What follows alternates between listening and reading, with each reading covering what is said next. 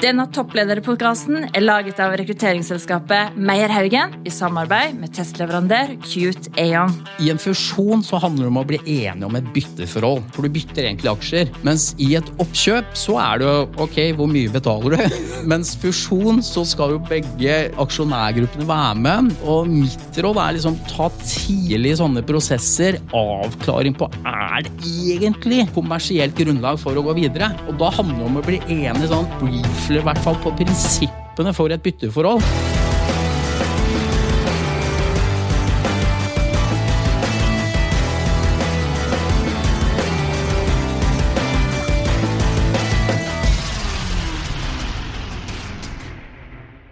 Ja, Sverre, i dag har vi en veldig spennende gjest i studio. Ja, og dette er, eh, hva er det, episode 53 eller noe sånt? Nå? Ja, Det begynner å dra seg til. eh, Og velkommen til deg, Oddbjørn Berentsen. Og du er CEO i Brabank. Stemmer det. Takk skal du ha. Ja, Og eh, Brabank, kan ikke du fortelle hva, hva gjør dere for noe? Nei, Vi er en nisjebank eh, som er posisjonert eh, hovedsakelig innenfor konsumentmarkedet. Eh, innenfor usikre lån. Og så har vi også en satsing innenfor mot SMB-markedet. For vi tror det er et veldig voksende område, der du får bank bli mer integrert i regnskapssystemer, skybaserte regnskapssystemer. Så det er en trendbølge som skjer, som vi ønsker å ta del i. Så Vi er jo en SMB-bedrift, så du kunne vært banken vår, du, da. Ja, Vi kunne f.eks. kjøpt fakturaene som dere sender til deres kunder. Så Ja. kunne vi kjøpt de i dag, og så hadde du fått eh, oppgjøret dagen etterpå på kontoen din. Ja. Så du hadde hjulpet deg med likviditetsutfordringer du kanskje har i bedriften her. Da, hvis Da kjøper ikke du til pålydende. Du kjøper ikke på hovedstolen, du, da. Nei, men nesten, da. Det er, dette er veldig gunstig, fordi Petter, det som skjer, er at vi overtar da hele Inndrivelsen og risikoen Ja, ja. for at dine kunder betaler deg. Den overfører du oss, så vi tar hele fakturaadministrasjonen for deg. Ja. Og dere kan fokusere mer på core business og skaffe mer oppdrag. Jeg ser, jeg ser dollartegnet til Petter. Så jeg har med kontrakt der. Da, bare. det, det, dette er det som kalles factoring, er det det? Ja, eller eh, vi kaller det fakturakjøp. Ja. Vi går også inn i factoring nå. Og factoring er at vi, vi tar mer i alle fakturaene du har. Ja, riktig. Og så har vi en regressmulighet eh, hvis noe ikke er i henhold til boken. Altså Noe av risikoen ligger da fremdeles på den som har utstedt fakturaen. Ja. Med fakturakjøp så tar vi mer hele risikoen over. Ja. Og Det er derfor vi må ha litt mer betalt, Petter. Fordi vi sitter jo med hele kredittrisikoen. Ja, det skjønner jeg. Og sånn fungerer jo bank. Men eh, jobber du med salg, eller? Nei, jeg, jeg vil vel si jeg er ganske markedsorientert CEO. for å si det sånn. Det er klart, Ender vi opp med en ny bankforbindelse i løpet av podkasten? Ok, men du, så hyggelig. Dette her er jo ganske høy energi-podkast allerede. Men hvis vi skulle blitt litt bedre kjent med deg, da, Oddbjørn eh, Hvis vi da skulle eksempel eh, truffet hverandre over en eh, Solo Super, og, og så hadde jeg spurt deg Du, eh, Oddbjørn, hva er, eh, hva er din guilty pleasure? Hva er din passion? Hva kunne du prate om en hel dag på inn- og utpust? Hva er som favorittempoet ditt utenom jobb? Utenom jobb, ja. ja nei, det blir jo mye jobb uh, i en sånn stilling som jeg har, det skal jeg innrømme. Men jeg er jo gammel uh, trommeslager, hey. uh, så jeg har spilt uh, trommer siden jeg var syv år, faktisk. Syv-åtte år. Ja. Du ble lei deg her om i gårsdagen, du, da, for at eh, Charlie Watts han døde jo her om dagen. Ja, han gikk bort, ja. Så det var jo en bauta som gikk bort innenfor sektoren. Eh, og så var jeg i Gardemusikken. Oh, ja. eh, jeg var med på mm, Lillehammer-OL, faktisk, på åpningsseremonien. yes. Var det med trommer da òg, eller? Ja, da var det skarptromme vi spilte. Ja. og så har jeg spilt mye storband og band, og de siste årene så Jeg jobbet i det som het Anders Consulting for mange mange år siden. Og da lagde vi noe som vi kalte AC-bandet for å spille på fredagspuber. Og da var jeg selvsagt trommeslager, og så Ja. har det ballet seg på med litt sånn jobband eh, underveis her, da. Ja, men så ble vi spurt om Det er en litt morsom historie. Vi, jeg jobbet i Santander, så skulle de ha et julebord et år. Og så spurte de om det er det noen som spiller noen instrumenter. Uh, om vi kunne sette sammen band. Og så var det noen som tok initiativ, og vi satt sammen nå, og så skulle vi ha et bandnavn. Og vi skulle jo bare spille én gang Ja, ja, ja. på det julebordet. Og da var det jo en som kom opp med det geniale navnet da, One Night Stand. Og det ble bandet hetende, og vi har vært i gruppe som har spilt sammen en del år. og så har vi hatt litt pause. ja, så Så det var ikke One Night Only. Nei, det var ikke One Night Only, det ble ikke det. Vi har spilt på eh, John D og litt sånn forskjellig så leid og hatt litt venner. Så. Så det er, musikk er noe som ligger hjertet mitt nært, da, og spesielt sånn jazz-fusion-sektoren eller tenk- gra- sektoren der. da. Jeg tenker jo, eh, I disse dager så må dere jo nesten vurdere å bytte navn til ONS. For Ja. det, er sånn, det, er det, det, det er det det heter. Ja. Hva er ons? ONS, One Night Stand. Oh, ja. Herregud, vet du ingenting, eller? Nei, jeg driver ikke med sånt, jeg. Dette er en helt ny og ukjent. Jeg visste ikke at det ikke var One Night Stand var for noe engang. okay, Ok, Men nå vet du det. Det er altså et band hvor det er en trommeslager som også er CEO i Brabank, for å dra oss litt inn på sporet igjen. Absolutt. Men du, hvis vi skal gå tilbake til Brabank, da. Ja. Så har vi da eh, men før vi skal prate om Brabank, så har vi da disse tre kjappe, Sverre. Ja, og De skal vi da introdusere for deg nå, Oddbjørn, men du får ikke lov til å svare helt ennå. Du skal få lov til å svare etterpå. Skjønner. Første spørsmål jeg skal stille, det er eh, Nå nevnte jo du selv i stad at det er litt jobb. Eh, Hva er ditt beste tips for work-life balance? Har du noen triks i boka som du kan dele med andre? Nummer to, hvor henter du selv inspirasjon? Eh, har du noen kilder til inspirasjon som kanskje andre kan eh, inspireres av? Og det siste vi har lyst til å spørre om, det er, for vi vet at du også er eh, interessert og engasjert og kunnskapsrik relatert til styrearbeid. Ja. Så da lurer på, Har du noen tips hvis noen sitter der ute og tenker jeg kunne godt tenke å posisjonere meg for å få et styreverv? Hva burde de gjøre da? Mm. Mm. Ja. Bra. Jo, og dere som eh, lytter, dere kan jo også tenke at hva, hva hadde vi svart hvis vi var i Oddbjørn sine sko, eller deres egne sko? Men tilbake til Brabank, da. Eh, altså, uh, kan ikke du fortelle litt om hva er det dere gjør, hvor store er dere, hva er liksom visjonen deres? Hva er det dere skal få til? Ja, vi kan ta litt om historien først, for jeg tror det er en litt spennende historie som er litt spesiell også. Fordi ehm, i, tilbake i 2014, 2015, 2016 så var jo consumer finance, som det heter, veldig hot industri etter at eh, Bank Norwegian begynte å ha ganske stor suksess. Ehm, og det kom jo veldig mange nye digitale banker i Norge.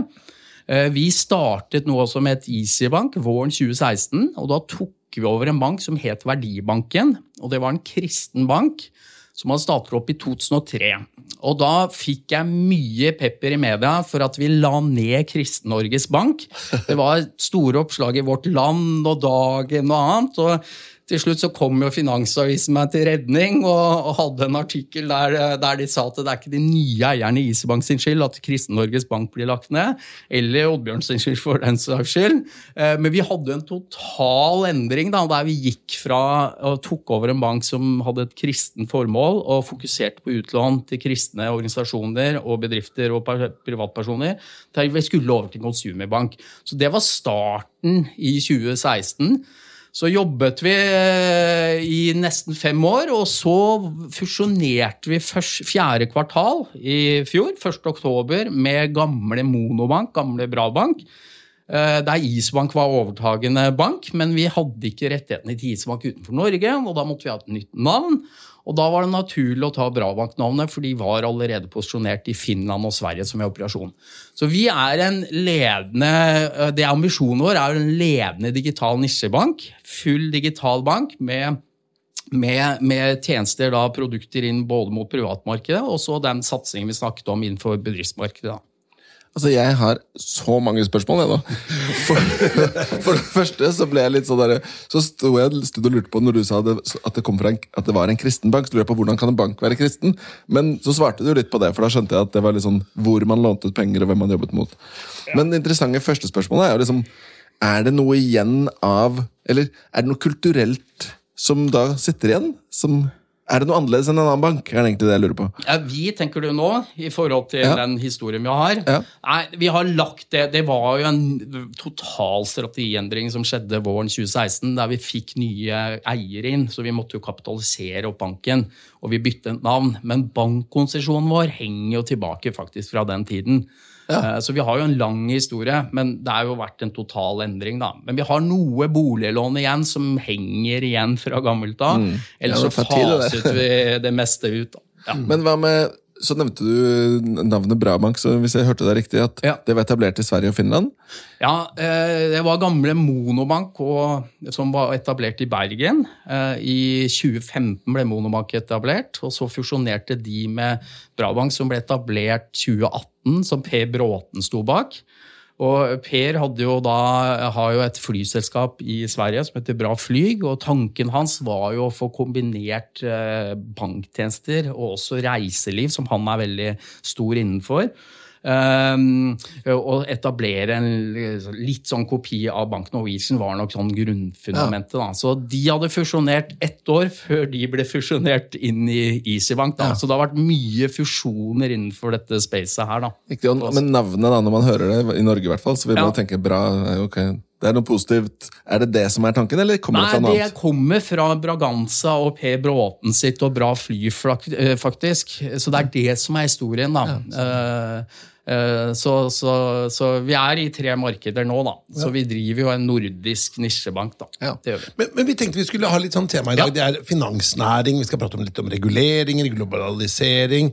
Vi skal prate litt om dette her med M&A og, og Ja. fusjoner. Ja. Men øh, kan ikke du fortelle litt om din erfaring rundt det å fusjonere en bank og M&As? For der har jo du jo gått en spennende reise. og Du er jo en, en eh, mye brukt foredragsholder innen disse temaene. Ja, altså vi, vi ehm, Det man ser sånn ehm, analyser, er jo at eh, de fleste M&As, eh, som er merge and acquisition eller oppkjøp og fusjoner på norsk, mislykkes jo. Det er jo sånn det er. Er det på tvers av bransjer? Ja, altså Det er nok generelt. Eh, Handelshøyskolen har gjort mye forskning innenfor dette feltet. og eh, når jeg tok en MBA på Handelshøyskolen i Bergen, så husker jeg en av Norges fremste eksperter sa at det er bare 15-20 av oppkjøp og fusjoner som lykkes. Utover generell markedsutvikling. Det vil si at du skaper gevinster for aksjonærene utover den generelle markedsutviklingen til bedriften. Så, så de fleste er egentlig mislykkede. Og det er jo veldig viktig å ha med seg. Hvorfor blir det sånn? Jo, det er nok litt sånn forskjellige aspekter. Det ene er nok ofte at eh, synergikostnadene er my blir mye større. Uh, og så det med kulturforskjeller, og også det at uh, ofte er nok business cases tror jeg, litt sånn overestimert. fordi når du kommer i sånne dialoger, så ønsker jo ofte begge parter å få til noe når du har startet en prosess. Og det er litt sånn min erfaring også, at uh, jeg mener jo den fusjonen vi har gjort, er veldig vellykket. bare for å understreke det, Men generelt så blir du jo veldig engasjert, begge parter.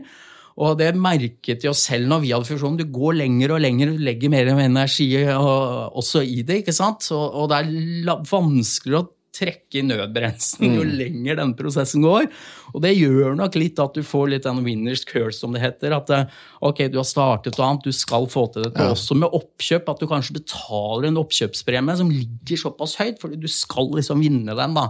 Og det kalles jo winners curse på fagspråk. da. Mm. Men eh, et kjapt spørsmål der rundt liksom definisjonen av å lykkes. fordi vi, Ja. Når vi har jobbet med vår vekststrategi, Ja. så har vi blant annet sett på liksom de tre kilder til vekst. Det ene er Ja. å ta markedsandeler, andre er å gå inn i nye markeder, nye produkter, og det tredje er oppkjøp.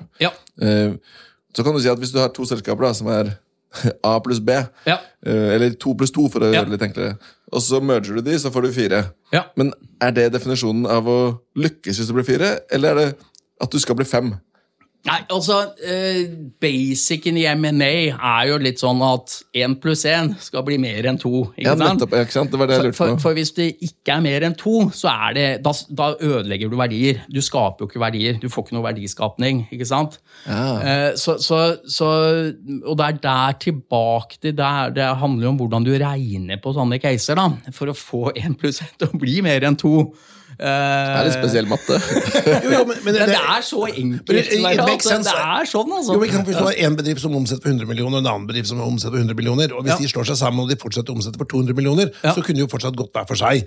For det er en, det er en Ja, kost... ikke nødvendigvis Ja, men hvis du har det- tatt ut 50 millioner i kostnadssynergier. Nettopp. Ja, ja, det, er- det, det, det, det jeg helt enig i, selvfølgelig, men mitt poeng var at det, det må være en gevinst her for begge parter. Ikke sant? Også ja. er det, for det er jo en, ikke sant, for det første, Ledelsen bruker veldig mye tid på dette her. Ja. Eh, ikke sant? Det er en både interntid, det er jo eh, fokus, det er risiko, Ja. det er kultur, det er så mye som går galt. Ja, og hvis du da sier at det er rundt eh, ja, 10-15-20% som går bra, Ja. eh, så er det jo ditto differansen som går dårlig. Ja, nettopp. Ja. Men så er det interessant å se på ikke sant? Uh, forskjellen på å gå bra Ja. og gå ok, at 1 pluss 1 blir 2, Ja. versus at 1 pluss 1 blir 1,75. Ja. Da ja. Går det ordentlig dårlig. Har du noe data på det? Vet du om det? Nei, Det vet jeg ikke, men eh, det har jo blitt forsket en del på det. Men, men det, som er konklusjonen, er nok at M&As er veldig krevende. ikke sant? Ja. Og så har du jo meglerselskaper og annet som kanskje pusher opp sånne dealer, for det er jo da de tjener penger, og kommer med strukturelle forslag og annet. ikke sant? Men det er som du var innom også, at, eh, at eh, det med alternativkostnad også tror jeg er veldig undervurdert i sånne prosesser. fordi som dere sier, management blir jo veldig oppslukt i denne prosesser. Og management vil jo lykkes, for det er ofte management i det overtagende som har initiert og kanskje vært en pådriver veldig ofte også. Og så skal man lykkes, og så mister man jo fokus litt på kjernebusiness. Sant? Sånn er det jo bare. og Jeg merket jo selv hos oss også ikke sant? at fusjon tar mye tid. Og bank er ganske kompleks å fusjonere, fordi du har konsesjon fra Finanstilsynet, du skal være compliant. Helt sånn som hos oss, så hadde vi generalforsamling det var vel 12. juli um, i fjor sommer. Og så, og så fusjonerte vi fjerde kvartal. Så det gikk jo mange måneder fra aksjonærene hadde vedtatt fusjonen, til vi praktisk kunne gjennomføre det og fikk lov av Finanstilsynet. Og da skal du holde oppe to banker parallelt med to management-team som skal være compliant i forhold til lovverk og konsesjon man har fra Finanstilsynet. Så det er ganske krevende i de mellomfasene der, da. Det er det, altså. Og det skjønner jeg. Men hvis du allikevel skal prøve deg på en, hva skal vi si, en sånn der, øh, noen gode råd, da. Hva, hva, er det som, hva er det som kjennetegner gode fusjoner både i forkant og etterkant? da? Nei, altså Mine råd sånn for å gjennomføre det er det, det, det er noen sånne hovedpunkter. Det ene er jo på selve prosessen. Eh, og der, der tror jeg det er veldig viktig veldig tidlig å avklare hvem skal f.eks. en fusjon være overtagende enhet. Eh, og, og hvordan, hvem skal være toppsjef her. Fordi Hvis du ikke bestemmer det veldig tidlig, så får du jo veldig mye intern kniving og usikkerhet og masse posisjonering av ledelse og annet. ikke sant? Finne rollene sine. Så det tror jeg er eh, veldig sentralt. Og så I selve prosessen så tror jeg i en fusjon så handler det om å bli enige om et bytteforhold. ikke sant? For du bytter egentlig aksjer. Mens i et oppkjøp så er det jo ok, hvor mye betaler du? Eh, Mens fusjon så skal jo begge aksjonærgruppene være med. Og, og mitt råd er liksom ta tidlig sånne prosesser, avklaring på er det egentlig kommersielt grunnlag for å gå videre. Og da handler det om å bli enig sånn briefly, i hvert fall på prinsippene for et bytteforhold. Og sånn som i bank, så er jo e dette er jo veldig egenkapitaltungt. Og da er det jo veldig viktig at det er egenkapitalen du egentlig priser mye der, og ser på størrelser og annet, og bli enige om liksom, hvordan skal det prinsippene være, og litt sånn grovt på, eh, på bytteforhold.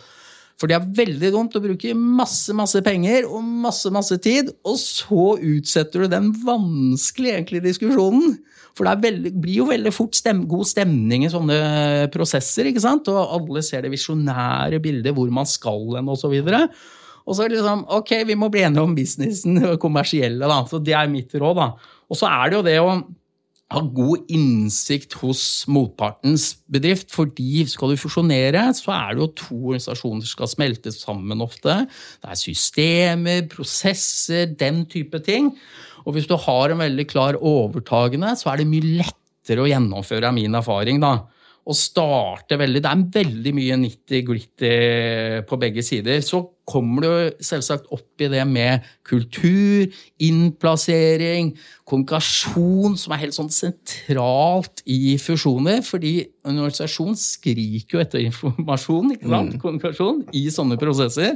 Alle er utrygge på jobben sin, du mister fokus, og det med alternativkostnad blir ganske vesentlig. da.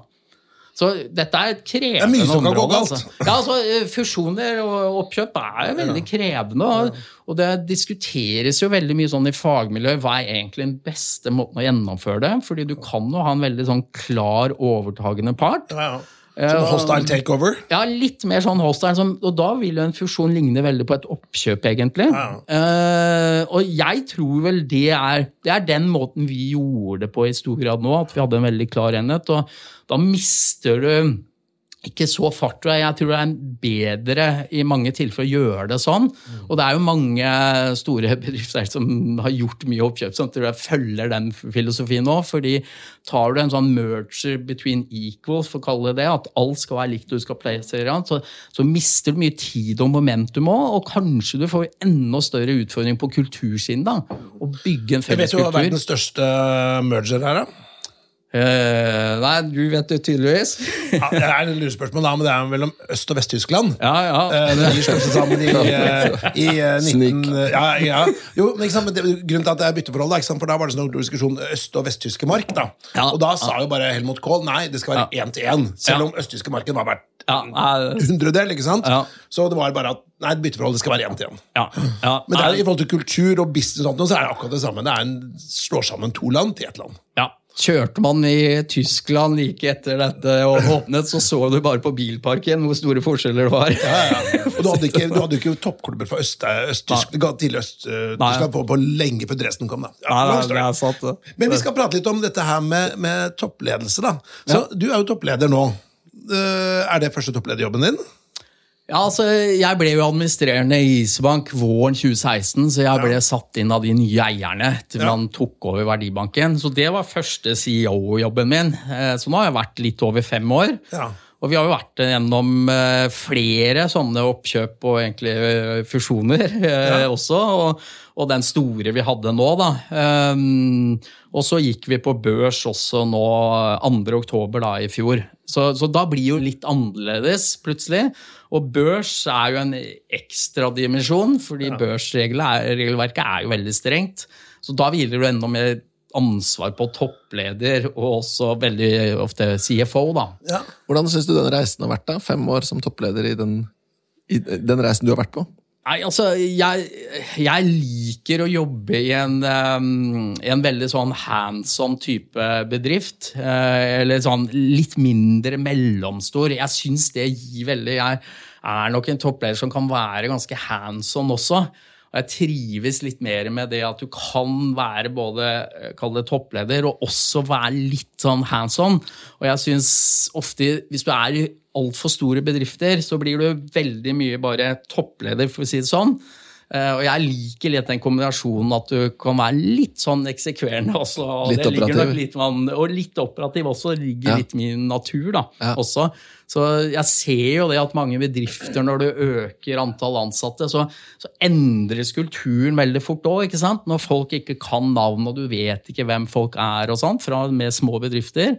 Så det er også et veldig sånn Du, du endrer type kulturen veldig når du kommer kanskje opp i sånn 100 ansatte og videre oppover, da. Så er det ofte ting som endres, og du får mer interne komiteer, og mer prosess og litt sånn management, stakeholder management og annet, da. Og jeg trives litt sånn mellomstore størrelser, syns jeg er veldig morsomt, da. Men det er sånn, eh, For å dra parallellen til mange gründerbedrifter, eller Ja. i hvert fall hvor den som en gang var gründer, fremdeles er aktiv, så Ja. har du ofte liksom en, en leder som frem, fremdeles er veldig aktiv og involvert i alt. Ja. Er det jo litt sånn, Nå, spør jeg litt sånn ledende spørsmål, kanskje, eller dust spørsmål, men er du da sånn leder som blander deg inn i alt?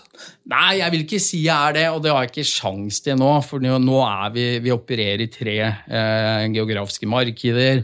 Vi er på børsen, vi har mye folk. Vi har lokasjon både i Oslo og her i Bergen. Så du har ikke sjans nå. Så jeg har jo også utviklet litt meg som leder, der jeg var mer sånn i et gründerteam våren 2016. Og så har jeg måttet utvikle lederrollen også til den, det selskapet vi er nå, da. mm. Med, med rundt 7,5 milliarder forvaltningsbalanse osv. Det, det er en annen type rolle jeg har nå. Hva er, hva, hva er forskjellen på lederen eh, Oddbjørn i dag versus Oddbjørn for fem år siden? da?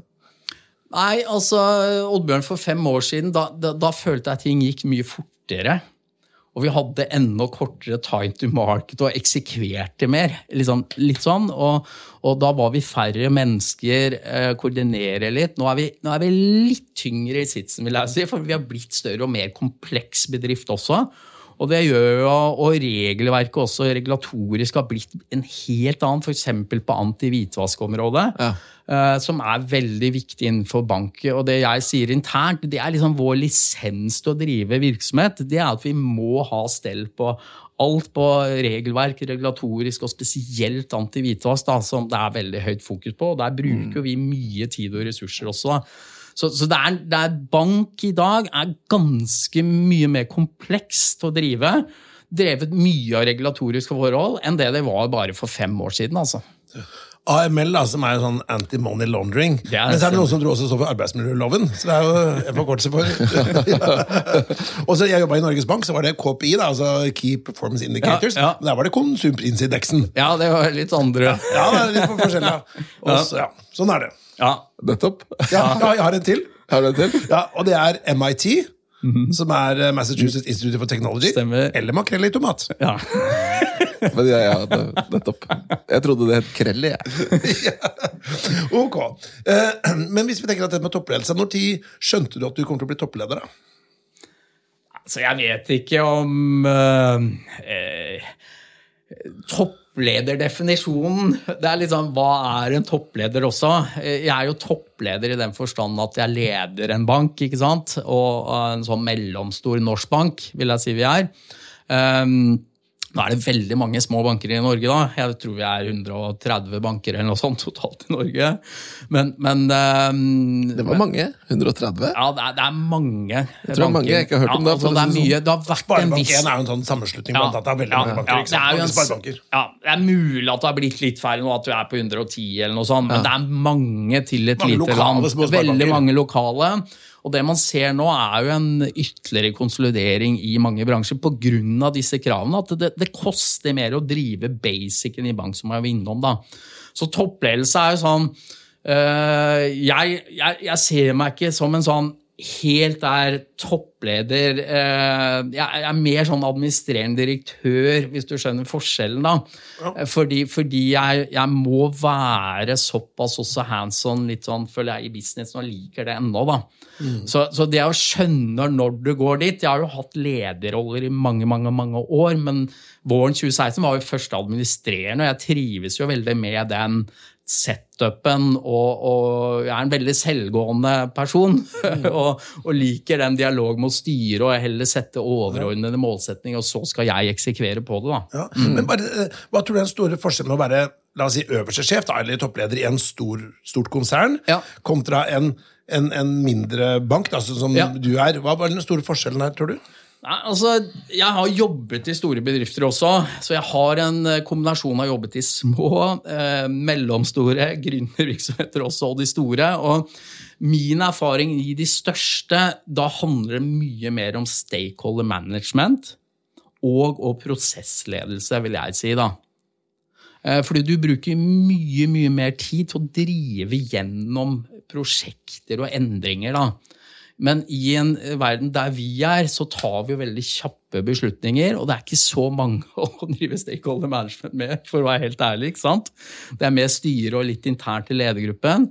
Og veldig, jeg er veldig tilhenger av veldig sånn straight organisering. Jeg er litt sånn personlig og syns det er veldig krevende å jobbe i matriseorganisasjoner. Jeg er ikke veldig glad i det heller når jeg organiserer bedrifter. Jeg tror du bruker så mye tid i matriseorganisasjoner på disse krysningspunktene, og det blir ofte mye diskusjoner på hvem som har ansvar for hva, og osv. Så, videre. Eh, så jeg, du, du, får noe, selvsagt, og matriseorganisasjon er jo tanken å dra ut mye skalafordeler. ikke sant? F.eks. at du har Norge, Sverige, Finland, og så har du IT og masse som leverer til alle disse geografiske regionene da, på tvers. Og det, tanken er veldig god, men sånn, øh, og teoretiske er veldig god, men, men, det er veldig krevende å drive. da. Ja, når jeg gikk på Handelshøyskolen, så husker jeg foreleseren sa også at øh, organisasjonsdesign det er egentlig et valg av imperfekte løsninger. Og det er jo nett nettopp det det er. Fordi en organisasjonsform det gir noen fordeler, og det gir en del ulemper. og Det er, det er vanskelig å finne det optimale. da. Sverre, vi sitter og nikker og nikker, for vi, vi driver og ser litt på egen organisering i denne butikken her. Vi sitter midt oppi de greiene her. Og det gjør det, ja. Så, så det er liksom det er fordeler med forutsigbarhet og fleksibilitet. Ja, og jeg har tenkt på nettopp det du sa, at det er et valg mellom ikke-perfekte løsninger. Så det Ja. nå, fikk jeg, nå satt du ord på Ja, det vi ja, har følt på. og det er et veldig bra sitat uh, der, altså. Ja. Men, men du, du jeg tenkte vi skulle bare prate litt om dette her med, med styre og styresammensetninger. Ja. Der har du mye erfaring.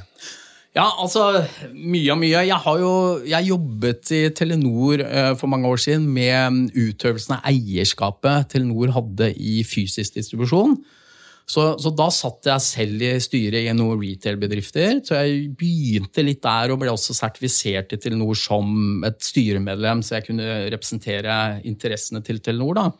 Um, og så har vi jo jobbet mye med å sette, sam, sette opp sammensetningene i Isbank, og også Brabak nå. Vi har hatt veldig profesjonelle valgkomiteer. Den første valgkomiteen vi hadde, var det jo Erik Must, investoren, som ledet. Vi har hatt seniorfolk der, og Erik er jo veldig opptatt av det med god corporate governance og hvordan ting skal fungere.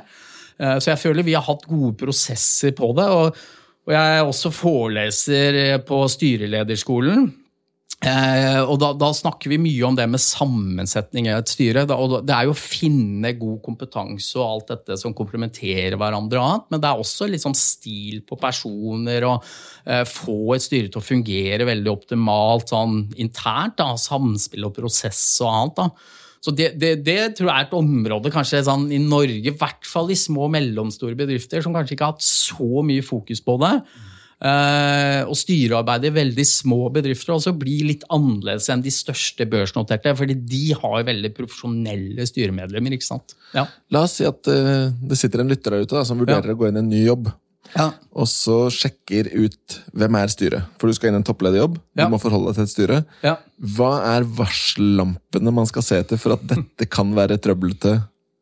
For det er jo viktig, liksom, Akkurat som man som ansatt må velge en leder, så er det jo lurt å velge et godt styre. ikke sant? Ja, det, det er jo et veldig godt poeng. Eh, fordi som toppleder, administrerende, så er det jo styret som er sjefen din. Og så er det jo sånn at eh, et styre, det er ikke styreleder direkte som er sjefen heller. Det er jo et samlet styre som på en måte har personalansvar overfor daglig leder. da. Så det samspillet og annet der er også viktig. Og det er jo mange som velger nesten jobb på bakgrunn av sjefen og hvordan det funker. Eh, Men det er jo litt mer krevende som toppleder å sjekke ut hvordan dette i praksis er. Så da mer det vel mer å se på historikken og til de som er der. og eh, det er litt, Min erfaring er også i forskjellige sammenhenger at det er ganske forskjell på de som har mye tung styreerfaring, og de som ikke er det. Og ofte så ser man jo det at eh, det er veldig krevende å gå for å være toppleder til å bli en styreleder eller et styremedlem òg, fordi det er litt forskjellig. ikke sant? Styret skal jo ikke være operative. De skal jo mer sette føringen og strategi sammen med, daglig leder og administrasjonen, og så skal jo administrasjonen være den operative og eksekvere. da. Så det, og Spesielt i de minste bedriftene er jo dette ofte litt sånn diskusjonstema. ikke sant? Der kanskje rollene er ikke så klart definert mellom administrasjonen og selve styret. da. Ehm, så det er liksom gode tips også få dra opp liksom disse styreinstruksene da, og, og liksom de grenselinjene. Altså profesjonalisere styret. Ja, profesjonalisere styret. Og jeg, jeg tror jo sånn selskap som dere er, der, der tror jeg det ligger mye potensial fremover. Vi jobber også med den styresammensetninga. Og det er jo veldig, Hvis du ser på å ansette toppledere, så skal man jo bruke masse masse tid og uh, leier inn eksperter som dere på å liksom finne riktig kandidat. ikke sant? Og jeg tror ofte i styret så, så er det nok litt mer relasjoner og annet, og det kan være aksjonærer i enkelte bedrifter. Nå snakker jeg ikke om oss, vi føler jeg har en veldig god prosess for det, men, men generelt så er det i små og mellomstore bedrifter så er det nok litt mer sånn nettverk, og ja, han er aksjonær, ja, da passer han inn i Ja, styret, det ofte ikke sant? sånn der, ja, Min mann i styret, ikke sant? for da kan ha fraksjoner både i styret og i Ja. bedriften. Ja. Og så er det sånn, ja, det er min mann eller min kvinne da, som Ja. skal tale min sak. og sånn Ja. er jo litt sånn da. Ja, og sånn sånn er det jo ofte, i hvert fall i de små. Men, men børsnoterte sånn som vi er, så, så det følger aksjeloven også at uh, styremedlemmer skal jo ivareta bedriften. Det er, det er jo det som er fokuset, Det, er, det er jo lovbestemt, ikke sant? Så man skal jo ikke gjøre noe tiltak som, som gir gunst til noen aksjonærer på vegne av andre, f.eks. Dette er jo veldig strengt, da. Dette er jo en tematikk som vi nesten burde snakke om separat på en egen podkast. Jeg Men tenkte vi kanskje skulle gå over til dette med personlighet? jeg, Sverre? Ja. ehm, eh, vi, vi jobber jo mye med å prøve å forstå folk, uh, Oddbjørn. Analysere og ikke sant. Vi er liksom eh, psykologer på jobb, kan du si.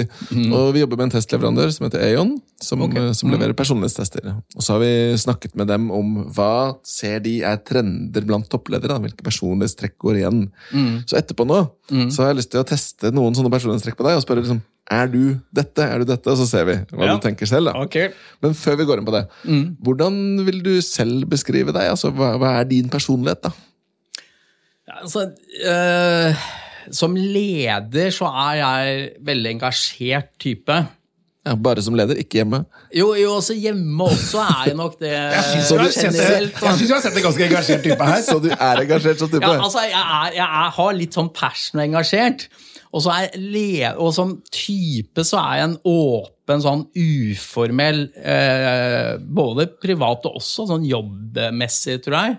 Og lederstilen min er nok veldig sånn uformell. Jeg, jeg tror det passer veldig bra i sånn mellomstore bedrifter òg. Ja. Og veldig med høy kompetansemedarbeidere som vi har hos oss. da så tror jeg det er litt sånn viktig. Den tradisjonelle, litt mer hierarkiske og annet. Det, Ja. det, er, det, er, det er jo litt annen type stil tror jeg, enn det kanskje man behøver i kompetansebedrifter som vi er. da. Ja.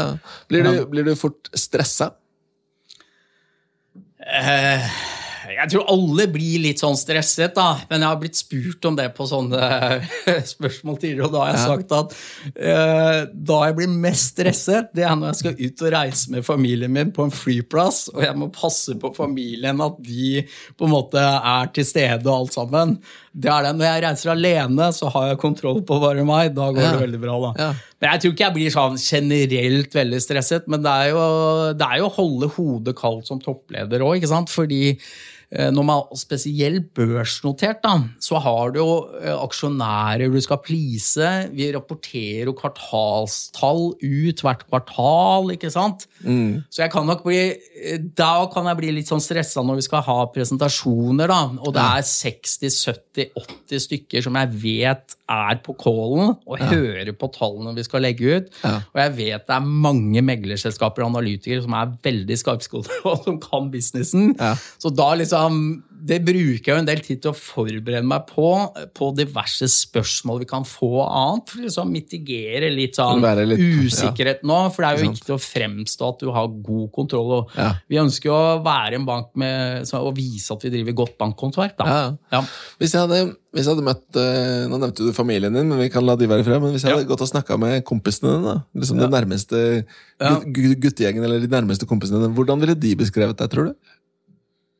Eh, nei, jeg, jeg tror de ville sagt at eh, det med energi Ja. og, og det Jeg kan nok være litt faglig.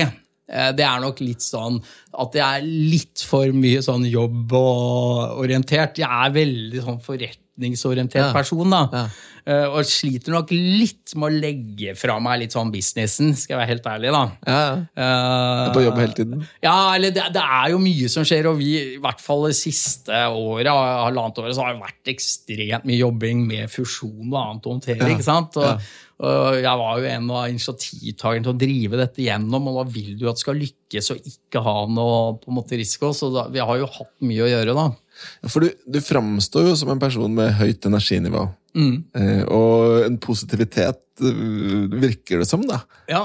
Eh, ja, jeg håper jo det, at jeg eh, ser muligheter og er det misjonære Ja. som driver, da, og, det, og at det også smitter litt over på organisasjonen, selvsagt. Da. Ja. og det er jo litt sånn krevende som toppleder at eh, du skal jo skape den eh, engasje, eh, engasje, eh, energien unnskyld, internt og positiviteten, og, så må du være veldig tydelig på liksom, hva er retningen vi skal, og hvor skal vi, og så selvsagt hvordan skal vi komme dit. da. Ja. Og der er nok noe jeg ofte jobber veldig med bevisst på at jeg tror jeg er en visjonær strateg, så jeg ser liksom hvor skal vi hen. Men, men det jeg har erfart gjennom årene i lederrollen, er at eh, det er veldig viktig å bygge opp et sånt strategisk mål da, i veldig delmål. Ja. Og liksom lage en trapp vi skal gå da, for å bevege hele organisasjonen og få med alle. Ja, ja. Eh, For det er ofte en litt sånn felle man kan gå i at man, det er hit vi skal, og så får du ikke med deg hele organisasjonen. De klarer ikke å henge med og se den samme bildet fremover. ikke sant? Mm. Så bra. Men du, nå skal vi teste disse trekkene, da. Er du klar? Ok. Da lister jeg opp noen egenskaper, så skal du så Er det ja, nei, kanskje, eller hvordan du velger, men det jeg lurer på, er Vil du si at du er overbevisende? Ja. Vil du si at du er hensynsfull? Er det ja, nei, eller er det delvis? Du kan si delvis. Ja, delvis, vil jeg si. Noen sier. Ja. Vil du si at du er resultatfokusert? ja, absolutt. Vil du si at du er besluttsom? Ja, jeg vil si jeg er ganske besluttsom. Men jeg er veldig analytisk, eh, fordi vi driver en regulert bedrift og børsnotert. Så, så jeg, jeg er veldig sånn faktabasert når jeg tar beslutninger. Ja, og det sånn. spiller inn på neste, som er Vil du si at det er teoretisk? Og te, kanskje, et, En del av det kan jo være en sånn analytisk Jeg, er litt sånn blanding. Jeg har jo, jeg har jo mm, hatt mye utdannelse. da. Siviløkonom, og så har jeg tatt MBA på toppen. og så har jeg studert INSEAD? også... Ja, litt der også, på en topplederkurs på INSEAD. Så jeg har jo jeg har på en måte en sterk sånn teoretisk bakgrunn, men jeg tror jeg er ganske sånn praktisk. Men jeg liker litt det metodiske liksom, og business case og liksom jobbe oss litt gjennom på en god, systematisk måte. da. Det gjør jeg. Hva med optimistisk? Ja, det vil jeg si. Ja. Absolutt. Hva med behersket? Ja, delvis, vil jeg si. Det er sånn, Jeg må ta meg i det noen ganger, eh, fordi, og det har nok noe med energinivået da, ikke sant? At du må være bevisst på det også. Mm. Og det er den siste, faktisk. Entusiastisk. Ja, Og det tror jeg vi sjekker av med stor hake med en du gang. gjør det. Ja, du får gjøre det, da.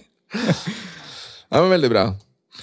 Bra. Du, jeg tenker eh, Ja. ehm, eh, skal gå opp til de tre kjappe, Sverre. Vi kan gå på de tre kjappe, og da var det jo tre spørsmål. Og jeg er egentlig litt spent på den første av de, fordi nå har jeg jo fått Du, du gir jo inntrykk av å være en person med høy energi, og du har sagt at du jobber mye, og kanskje kompisene også vil trekke fram at du er veldig sånn eh, jobbfokusert. Eh, da lurer jeg på Det blir veldig relevant, dette første spørsmålet. Hva er ditt beste tips for work-life balance? Hvordan klarer du å balansere familie, fritid og jobb? Ja, altså, det er jo veldig krevende for i hvert fall toppledere, men du blir jo litt mer erfaren. og det, det man ser på de øverste lederne, er jo at da er du ofte småbarns... Eh, familieverdenen er jo over, ikke sant? Så jeg tror at det er mer krevende for mellomledere. Eh, For ofte, hvis du er helt toppleder, så har du vært igjennom det. Og mange topplederroller er veldig krevende å kombinere med en småbarnshverdag. sånn sett. Um, så så jeg, jeg prøver jo jeg, å ha Holde mosjon og de standardtingene, selvsagt. Og holde deg ved like fysisk form. Og ha noe annet. Og så har jeg to trommesett i kjelleren hjemme, da. Så Ja. hvis det er veldig mye av meg behov for å koble av, så hender det at jeg går ned dit og setter på meg headset og spiller litt, bare for å avkoble og liksom koble helt av. da. Altså det å ha en sånn en out Ja, altså Jeg tror det er viktig å ha et eller annet som du kan liksom escape til og kanskje drive med. da. Og trening kan jo være det som mange har, da, selvsagt, med sykling og annet. da, Men det tror jeg er veldig viktig. Ja. Og så er det nok eh, og Der skal jeg bare innrømme at jeg er nok ikke så flink å liksom sette liksom grensene for mail og annet. For det er klart, når vi er så digitale som vi er nå, og alle har eh, mailboks og annet på telefon og annet, så, så er det jo veldig utfordrende å sette den limiten. Ja. Men, eh, men gjennom alle år, når jeg også studerte ved siden av jobb, så hadde jeg en sånn mantra at hver lørdag sånn, den skulle jeg ha helt fri, uansett hva det var. Fra jobb og studier. Da var liksom, det var min dag. Og da studerte jeg ofte heller litt på søndager. Jeg tok jo MBA ved siden av jobb en periode, og det var ganske krevende. Og da, da må du være veldig strukturert, og det husker jeg han vi hadde på Handelshøyskolen, fulgte kullet vårt. Han sa at de som gjorde det best, det var ofte småbarnsforeldre òg, fordi de måtte være så strukturert. Ja. Og bare sette av tid. Nå studerer jeg, fordi du kan ikke gli videre. Ja. Så jeg tror det er litt av nøkkelen. Å ha noen sånne escape. Et eller annet du kan koble av med som du tilfredsstiller. Og så være litt tydelig på grensen og prøve det, da. Har du noen sånn sikkerhetsventil, eller, Petter? På trommesett i kjelleren eller bok boksesekk er min. Nei, men jeg tror nok det er veldig viktig. Man hører jo det. ikke sant? For at Du kan jo jobbe døgnet rundt hvis du ønsker. Uansett ja. om du er topp, toppleder eller mellomleder. Eller, altså det, er jo, det tar jo aldri slutt. Ja. Så, så du, nettopp, jeg tror nok det er helt avgjørende å bare sette noen grenser for deg selv. Og Ja. Er du familie, så har du en familie som setter grenser for deg, da, eller hjelper deg med Ja. den jobben. Ja, Ja. Og det kan nok være litt sånn utfordrende for en toppleder i mange settinger òg, fordi da har du ikke noen som ligger som sånn direkte personalleder for deg. Sant? Du er jo litt mer for deg selv, Ja. og, og det, er ikke så, det er ikke alle ting du kan snakke med ledergruppen din om. ikke sant? Som toppleder så er du litt mer alene. Og det tror jeg er litt sånn krevende for mange også, ikke sant? å komme i en sånn situasjon. Hvis du ikke er veldig selvgående og vant til den selvstendigheten som en toppleder og administrerende er, da. Ja, ikke sant? Ehm, hvor henter du inspirasjon da? Ja, det, er, det, er, det, er, det er forskjellige områder. Jeg, jeg syns det er eh, eh, spennende å høre på eh, type foredrag, eh, gode foredragsholder og annet, eh, som kan gi meg noe annet. Og det, det kan være på makroforhold og annet. da. Så hender jeg er med på sånne investorseminarer også, der du har gode foredragsholdere for forskjellige. Og da, da får jeg koblet litt, da får litt større bildet inn også. Nå må jeg spørre da, siden vi snakket om personen ditt. da. Er du da den typen som er veldig tilfreds med å gå inn i salen, sette deg ned, bare lytte, ikke snakke med noen? Eller er du ute og rundt og snakker med folk? Nei, mingling tenker du på? Ja. Ja. Jeg er nok litt den mer minglete typen enn det prøver. Litt, litt sånn ekstrovert type. Ja. det er nok.